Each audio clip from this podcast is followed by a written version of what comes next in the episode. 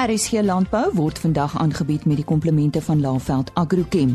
Saam boer ons vooruit. Goeiemôre van my Lise Roberts, hartlik welkom. Ons het 'n vol program, so ons gaan sommer onmiddellik wegspring. Eerste aan die woord, die visiepresident van die Hereford Beesteler Genootskap, Dr. Hiner Koster. Hulle vier vanjaar hulle 100ste bestaanjaar. Maar wat beplan hulle? Ja, die feesvieringe vind die jaar plaas uh, vanaf die 4de tot die 12de September en dit sal met uh, Moreesburg dan in die Wes-Kaap as basis wees. Wat behels die program so min of meer? Die program begin met 'n vooraftoer waar veral buitelandse maar ook Suid-Afrikaanse erfvertelers uh, besoeke sal doen aan uh, besienswaardighede in die Wes-Kaap asook van die Wes-Kaapse erfverkuddes besoek. En dan sal die skou en formele aktiwiteite in Moreesburg plaasvind en sal begin op die 5de September. Eerstens met die aand met 'n groete ontmoet dan sal die 6de September ehm, 'n um, karkas kompetisie plaasvind uh, waar waar diere op die hoef beoordeel lewendig beoordeel gaan word en later sal die karkasse beoordeel word. Daar sal ook 'n speenkalf inligtingsdag eh uh, gehou word. Ek dink gaan baie interessant wees vir kommersiële boere en ook 'n hanteerde kursus waar ehm um, hanteerders van diere geleer sal word om diere voor te berei hoe om dit te lei in die skouring. Dan die 7de September uh, sal die groepklas beoordeling uh, begin en dan sal daar ook 'n interessante vroueprogram ten minste vir die vrouens ook aangebied word. In die 8de September uh, sal die enkelklas beoordeling wees uh, wat dan ook in die aand gevolg word deur 'n UFS Denee en ook met 'n nasionale veiling waar net die kampioendiere en die diere wat die eerste plek gewen het opgeveil sal word en dan uh, sal daar prysuitdeling ook die 8de die aand plaasvind saam met die Denee en dan die 9de sal 'n interras beoordeling plaasvind waar waar die Hereford kampioene dan natuurlik teen al die ander rasse by Moreesburg ook beoordeel sal word. En dan van die 10de tot die 12de sal daar nog 'n toer wees um, vir belangstellendes uh, ook besienswaardighede miskien die wat nie die toer voor die tyd kon meemaak nie. Uh, watter lande gaan ook deel wees van julle vieringe? Ja, ons het nog nie heeltemal bevestiging gekry van besoekers uit verskeie lande nie, uh, maar maar uh, teelers uit lande soos Uruguay, Argentinië, die VSA, Kazakhstan, Nieu-Seeland, uh, verskeie Europese lande, uh, plus die Verenigde Koninkryk het wel belangstelling reeds getoon, weet ook uh, se groep Meksikane wat kom. Uh, die sekretaris-generaal van die Wêreldherfraad, uh, meneer Pepe Bonica van Argentinië, het ook reeds aangedui dat hy die vrugtinge wil bywoon. Nou ek hoor daar vind ook 'n veiling plaas. Wat is die aanbod tydens hierdie veiling? Ja, dis korrek. En uh, tydens die veiling soos ek nou nog genoem het, sal slegs die nasionale kampioen in die verskillende afdelings sowel as eerste plek opgebou opgevou word. En uh, soos ek aangedui het, dit is maar die doel van so 'n veiling is om 'n prestige veiling te wees. Die internasionale Hereford kampioenskappe vind ook plaas. Wat gaan dit behels, siener? Ek kyk eh, dis dis in kort behels dit die beoordeling van individuele erfdiere in verskillende ouderdomsklasse en dan natuurlik in aparte geslagte vanaf 9 maande ouderdom wat die jongste groep is uh, tot en met 60 maande ouderdom.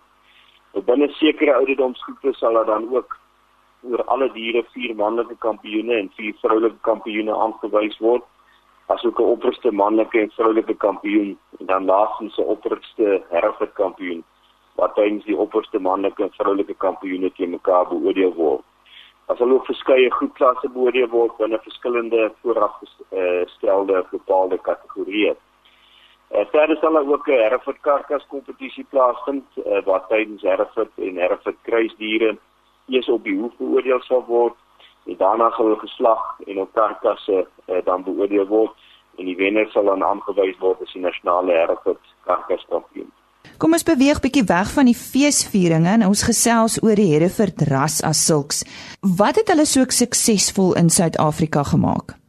Ek dink ehm um, die eerstens is die eh, 'n belangrike deel is sy vermoë om op beide gras, met ander woorde meer ekstensiewe vleisproduksiestelsels en in poerkrale uh, wat wat 'n meer intensiewe vleisproduksie is te presteer. So hy vermoë om op beide dit te presteer is 'n uitstaande ras vir kruisdeling wat feitelik met alle ander rasse goed kombineer. En daarom is die ras ook gebruik as basisras in die ontwikkeling van verskeie sogenaamde saamgestelde rasse wat onder andere natuurlik die Bonsmara insluit.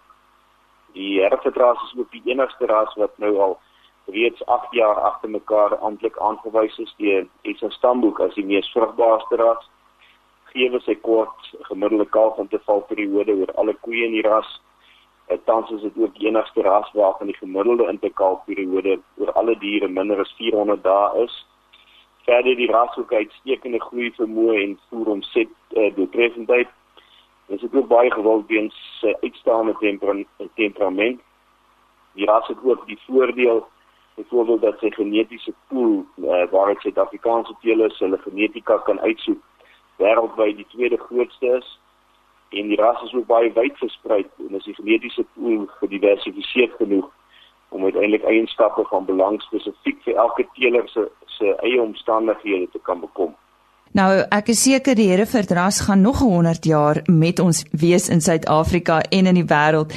Watter toekomsplanne het julle vir die ras? Ek dink een van die belangrikstes uh wat belangrik is vir die ras en nie net ons ras nie, maar ander rasse is ook om aan te hou om genomiese inligting wat natuurlik DNA merkers is met eienskappe van belang van die die uh, SA Hereford in te samel en dan 'n database daar te stel en einde genomiese seleksie deel te maak van die teelwaarde voorspellings in Suid-Afrika. En die Suid-Afrikaanse Erfgoedvereniging is reeds besig met die Universiteit van Pretoria 'n navorsingsprojek om genomiese inligting te bekom vir toekomstige seleksieprogramme. Nou vir die wat genomiese inligting ken, sal weet dat dit die akkuraatheid heelwat verhoog om vooraf te voorspel oor watter genetiese eienskappe van belange dier beskik en dan daai superieure eienskappe waaroor daai dier beskik aan sy of haar nageslag sal oordra. En die ras natuurlik die voordeel dat heelwat van die Suid-Afrikaanse herfdiere gekoppel is aan Amerikaanse genetika. En die FSA is die herfdiere op die stadium die enigste ras wat reeds genomiese teelwaardes kommersieel kan gebruik en die groot verwysingspopulasie van bulle uh, waaroor hulle beskik. Net verdere toekomsplanne is maar saaklik om op die ras se 6-punt plan wat eienskappe insluit van belangrike ekonomiese waarde vir die Suid-Afrikaanse veeboer om aan te hou fokus op dit en alle diere binne die ras deurlopend te verbeter. Streng kering vind maaltyd plaas om te verseker dat alle diere aan die vereiste kwaliteitsstandaarde voldoen en daardie die voortbestaan van die ras en groei van sy getalle hopelik sal verseker. En vir die ras is dit ook belangrik dat in die meeste gebiede in Suid-Afrika ras dat dit ras van keuse sal wees vir vele van die veeboere en uh, sal die demografiese uitbreiding in Suid-Afrika altyd op die lys wees van planne vir die ras.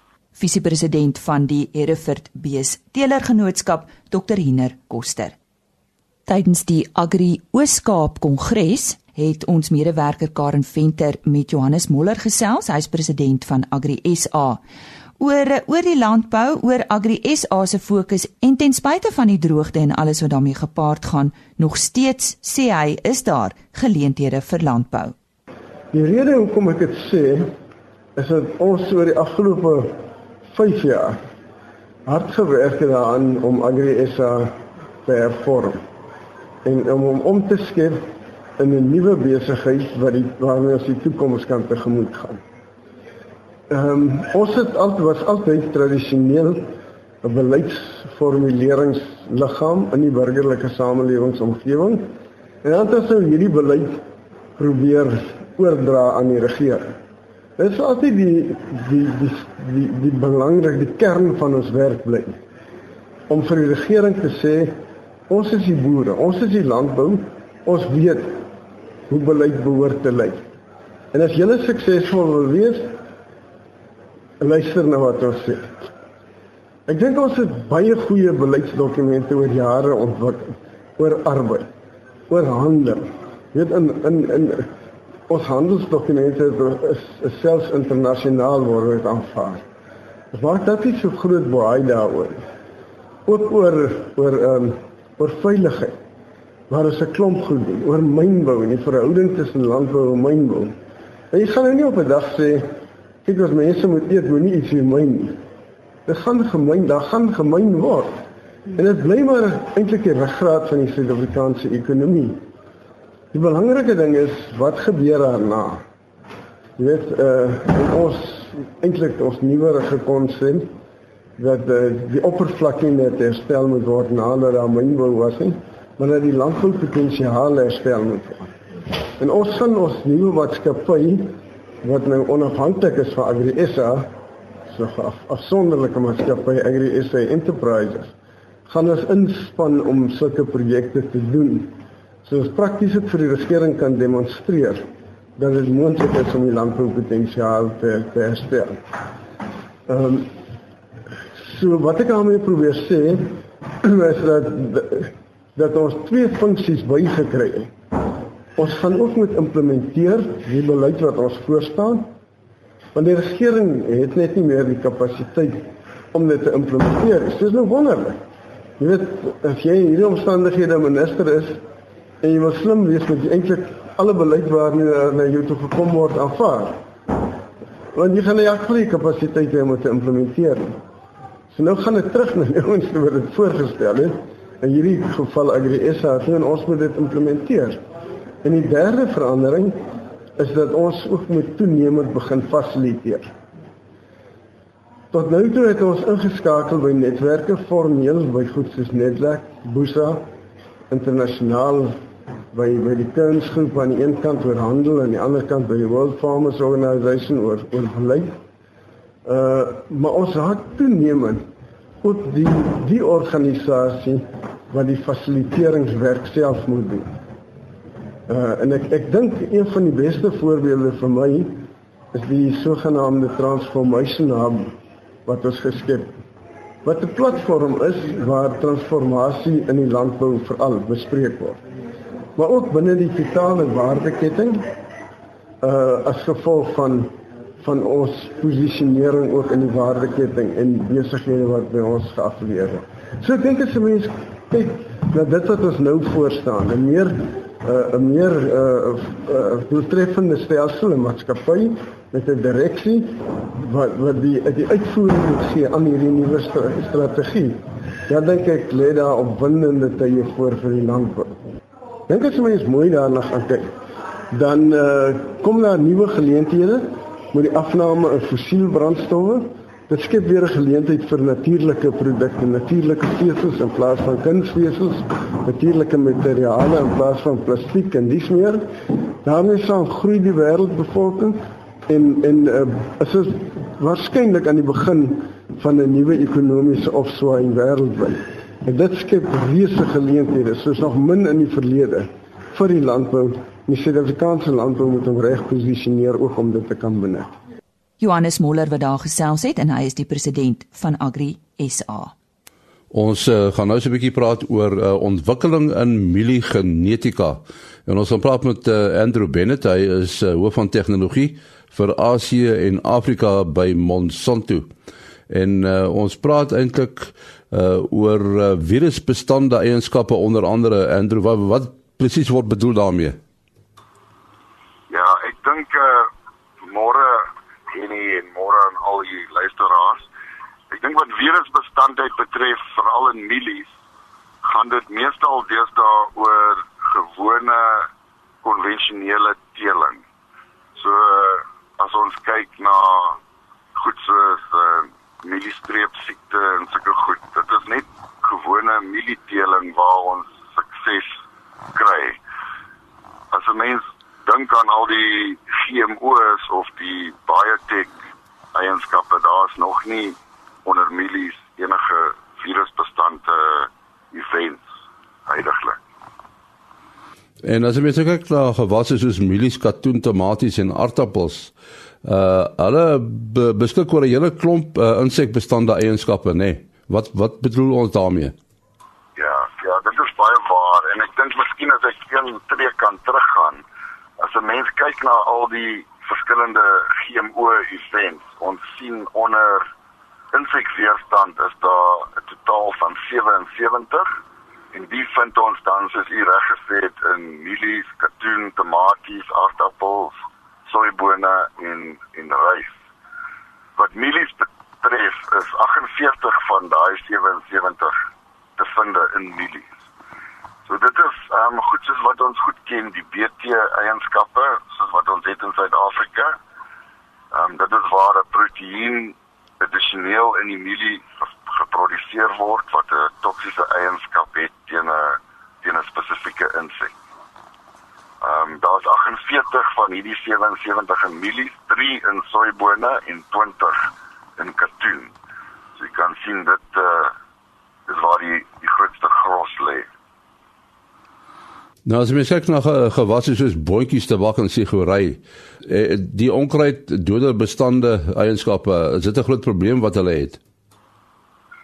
Ek dink onkruidbeheer in enige was is 'n is 'n regte uitdaging, né?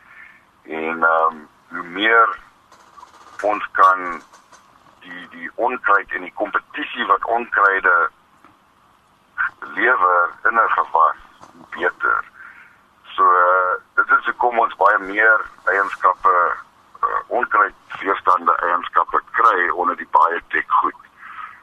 So as ek sê my kennis ehm um, is daar omtrent 120 van hierdie GMO events wêreldwyd en uh die grootste gros is alweer in die mielies 52 van hulle en soeibone 17 en in katoen 20 maar daar is ander gewasse soos tabak en suiker, beet, soos ek gesê het, canola, rys, sigaret wat wat net so ehm um, onkruid probleme het en hierdie eienskappe gee dan 'n weerstand teen 'n spesifieke onkruiddoder sodat u die onkruiddoder as boer oor die gewas kan spuit en nie die gewas beskadig nie maar wel die onkruide doodmaak. Ehm um, dis baie dieselfde tipe eienskappe soos wat ons in in mielies en katoen en in soeibone ken en dit mag dalk hier en daar 'n ander onkruiddoder wees uh, wat die eienskap uh, weerstand teen gee.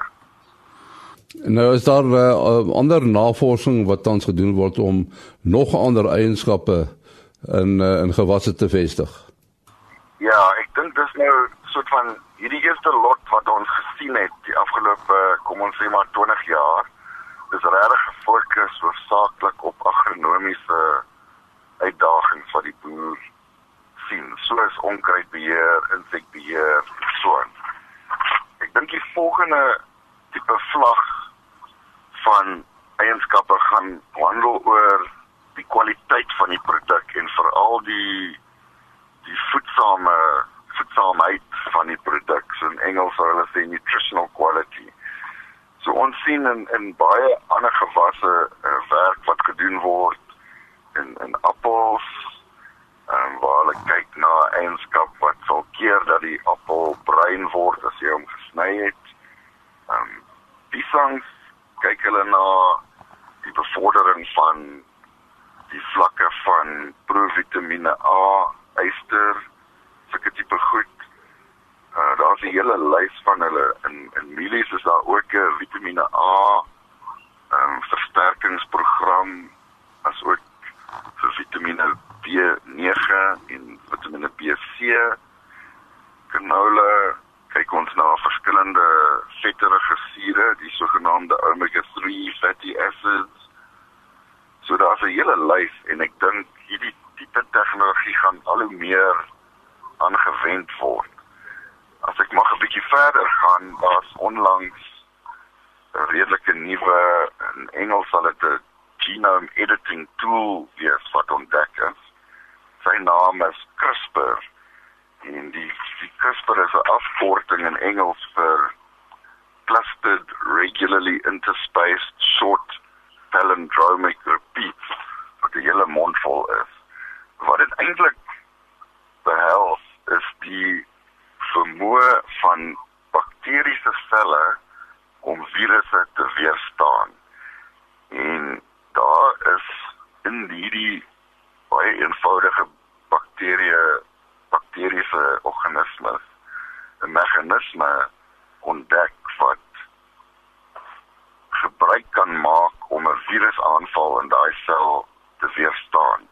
Nou die wetenskaplikes dit gevat en hulle kan dit gebruik om om gene of uit te sny of gene wat foute in het reg te stel. So as jy weet hoe moet die geen lyk en daar's 'n paar van die kodes missing of verkeerd hierdie goed kan gebruik word om daai ding reg te stel. So hierdie tegnologie is verskriklik um, nuut en baie baie opwindend. Veral as 'n mens kyk na menslike genetiese um, siektes. En ek het eintlik net laasweek gelees van 'n uh, 'n menslike embrio wat die mense geweet het het 'n uh, uh, genetiese hartkwaal en en hulle kon nie die tegnologie gebruik om daai embrio reg te stel. En so met ander woorde, daai siekte uit te skakel uit die uit die uit die aardse uit die kind wat gaan gebore word. Wat baie oulik van hierdie tegnologie is, dit is nie die versie of bydra van nuwe genetika hierdie tegnologie maak die bestaande genetika reg of dit maak er geen toe dat hy nie iets produseer en so dit het 'n groot impak op die regulatoriese benadering tot nou toe al die regulatoriese goedkeuring het gehandel oor nuwe genetika wat jy inbring in 'n nuwe spesies in 'n in 'n gewas spesies. Maar as jy niks inbring, jy sny net goed uit, dan miskien gaan die hele regulatoriese proses um, baie makliker wees as as tot nou toe. So baie opwindend hierdie CRISPR technology. Nou sê baie dankie aan Andrew Bennett. Hy is die hoof van tegnologie vir Asië en Afrika by Monsanto. Peulgewasse is sonder twyfel besonder smaaklike veevoergewasse met 'n uiters hoë voedingswaarde en is tot veiding se voordeel. Nou ek gesels vandag met Roan Stander, hy's verkoopsverteenwoordiger van Agricol. Uh, Roan, in watter drie hoofgroepe kan peulgewasse ingedeel word? Ek sê ja, peulgewasse kan in drie groepe verdeel word. Ehm um, naamlik Mimosa, Mimosoidae wat meestal bestaan uit bome en struike soos byvoorbeeld die akasia spesies, maar baie min weidingsgewasse val met die groep. Dan die volgende groep is die Sisal Sisalpinoidae. Geen lede van die familie word gebruik vir aangeplante weidings nie. Nou jou laaste groep, die Papilionoid Papilionoidae groep, hierdie is die belangrikste groep van weidingsgewasse gegroepeer word. Papilionoidae is afkomstig van die woord papilia wat Latyns is vir die woord skoenlapper. Nou die blommetjies van hierdie groep verteenwoordig vaagweg die vorm van 'n skoenlapper. Die Papilionoidae groep bestaan uit beide koelseisoen en somerseisoen peulgewasse. In beide die koelseisoen en somerseisoen groepe bestaan daar eenjarige en meerjarige peulgewasse. Wat is die hoofrede waarom peulgewasse geplant word? Dis die bekendste voorbeeld van van peulgewasse spruit uit die simbiotiese verhouding wat die plant met met knoppies bakterieë het. Hierdie knoppies bakterieë leef op die wortels van plante en is in staat om atmosferiese stofstof op te neem en beskikbaar te stel vir die gasheerplant, sowel as grasse wat langs die peulgewasse sou groei. Sodoende kan die uitgawes op stofstofbevatting en misstowwe ook verminder word. 'n Volgende rede kan wees die algemene verbetering van beidingskwaliteit Die kwaliteit van peulgewasse is oor die algemeen hoër as die van grasse in dieselfde stadium van volwassenheid. Peulgewasse is oor die algemeen hoër in riproteïene, minerale inhoud en verteer ook vinniger as die meeste grasse. Die, to die toevoeging van 'n peulgewas in weidingsmengsel kan ook die totale produksie van die weiding verhoog, asook 'n beter groei distribusie bied en leemtes vol wanneer sekere grasse se produksie begin afneem. In kort, die peulgewasse die potensiaal om melk en vleisproduksie te verhoog wanneer dit deel vorm van 'n weidingsmengsel. Hoeveel stikstof kan 'n peulgewas bydra? Die hoeveelheid stikstof wat 'n peulgewas kan kan bind, wissel tussen 60 en 200 kg per hektaar en word grootliks bepaal deur die spesies, stand, grondvrugbaarheid, weerstoestande en ook die hoeveelheid blaaroppervlak van die spesifieke gewas. Rhizobium bakterie is redelik spesifiek in terme van watter gasheerplant se wortels hulle sal infekteer. Nodules opvorm en stikstof voorsal bind. So dit is belangrik om die regte instof vir 'n spesifieke spesifieke peulgewas te gebruik om produksieverliese te voorkom. Hoe sal produsente 'n keuse kan uitoefen oor die geskiktheid van 'n peulgewas op hulle plaas? Dis afgesien van die lokaliteit en die doel van vestiging van peulgewasse moet die genetiese aanpasbaarheid van van die verskillende spesies ook in gedagte gehou word. Die volgende faktore speel 'n rol in die keuse van van 'n geskikte peulgewas. Reënval, die totale die, die, die totale jaarlikse neerslag, verspreiding en intensiteit is belangrik.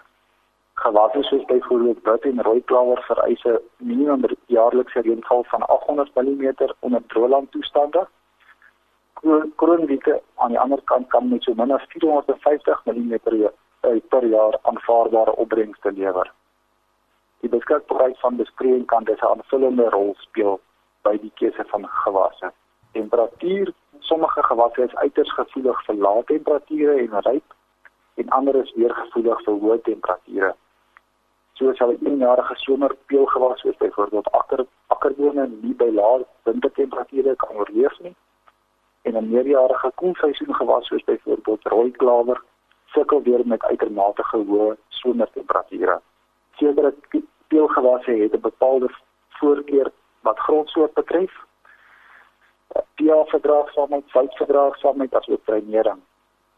'n Gewas soos byvoorbeeld Serradella is baie verdraagsaam teenoor lae pH's asook fosfate. Toestande waarby 'n gewas soos byvoorbeeld Lucerne glad nie sou aard nie. Meerjarige teelgewasse word gewoonlik deur ons produsente verkies, maar daar is ook soms strategiese gebruikswaarde vir eenjarige spesies.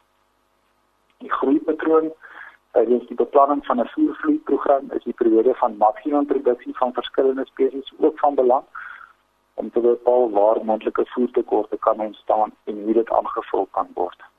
Dit is om diese Peulgewasse is om, omgewingsvriendelik en kan verskeie voordele in weidingsmengsels bied, waaronder 'n toename in droommateriaalproduksie, veidingskwaliteit en 'n verhoogde wins potensiaal seker die belangrikste voordele is. En die man wat oor peulgewasse gesels het, is Roan Stander, verkoopsverteenwoordiger van Agricol. Op die 22ste Augustus is daar die Rock Valley Beefmaster produksieveiling by Willebeeslaagte Potchefstroom 35 3 jaar oud bulle en 200 verse word opgevul deur SHM. Die 19de produksieveiling van Mayobe Marinos vind ook op die 22ste Augustus plaas by vlaklaagte Botawil. 60 stoetramme en 200 oeye word opgevul deur BKB Louet. Die Hart and Bailey Beefmaster veiling vind op die 23ste Augustus plaas by Lily Park Key Road, Komga, Oos-London. 40 Beefmaster bulle en die Elliot Brothers Auctioneers doen die veiling. Die uh, afslaer is Brandon Lear. Wie oor Beefmaster veiling van die 23 Augustus plaas by Vrede in die Vrystaat. En die suidelike Hoofveld Drakensberger klipveiling vind op die 24 Augustus plaas by die Vrede veilingskade Vrystaat. 45 bulle en vroulike diere word opgevuil deur BKB Louet. Die Wespo Doenie Merino veiling vind op die 24 Augustus plaas by Velshoek Markwart. 4973 Doenie Merinos word opgevuil deur BKB Louet. Die Maluti Bonsmara sou op die 24 Augustus by Markwart Golfklub 'n veiling 30 SP bulle, 6 SP verse, 200 kommersiële vroulike diere dragtig of met kalvers en semen en aandele word opgeveil. Ook op die 24 Augustus die vierde produksieveiling van Jamaica by Rode Draai Volksrust. 25 Simbra bulle, 10 rooi Brahman bulle, 10 wit Brahman bulle, 60 kommersiële Simbra tipe vroulike diere word opgeveil. Die Rosbeef Beefmaster veiling vind op die 24 Augustus plaas by Kimberley in die Noord-Kaap. Op die 25ste Augustus vind die Frankfurt Bonsbara Telersgroep se veiling plaas by die Royal Auction Centre Frankfurt. 45 geregistreerde bulle en 120 kommersiële vroulike diere word opgeveil deur BKB Louet. Tot sover dan veiling nuus. Dankie Henny en dit bring ons dan aan die einde van vandag se program wat aangebied is met die komplimente van Laveld Agrochem. Saam boer ons vooruit. Totsiens. RSG Landbou is 'n produksie van Blast Publishing. Produksieregisseur Henny Maas. Aanbieding Lisa Roberts en 'n notas koördineerder Jolande Rooi.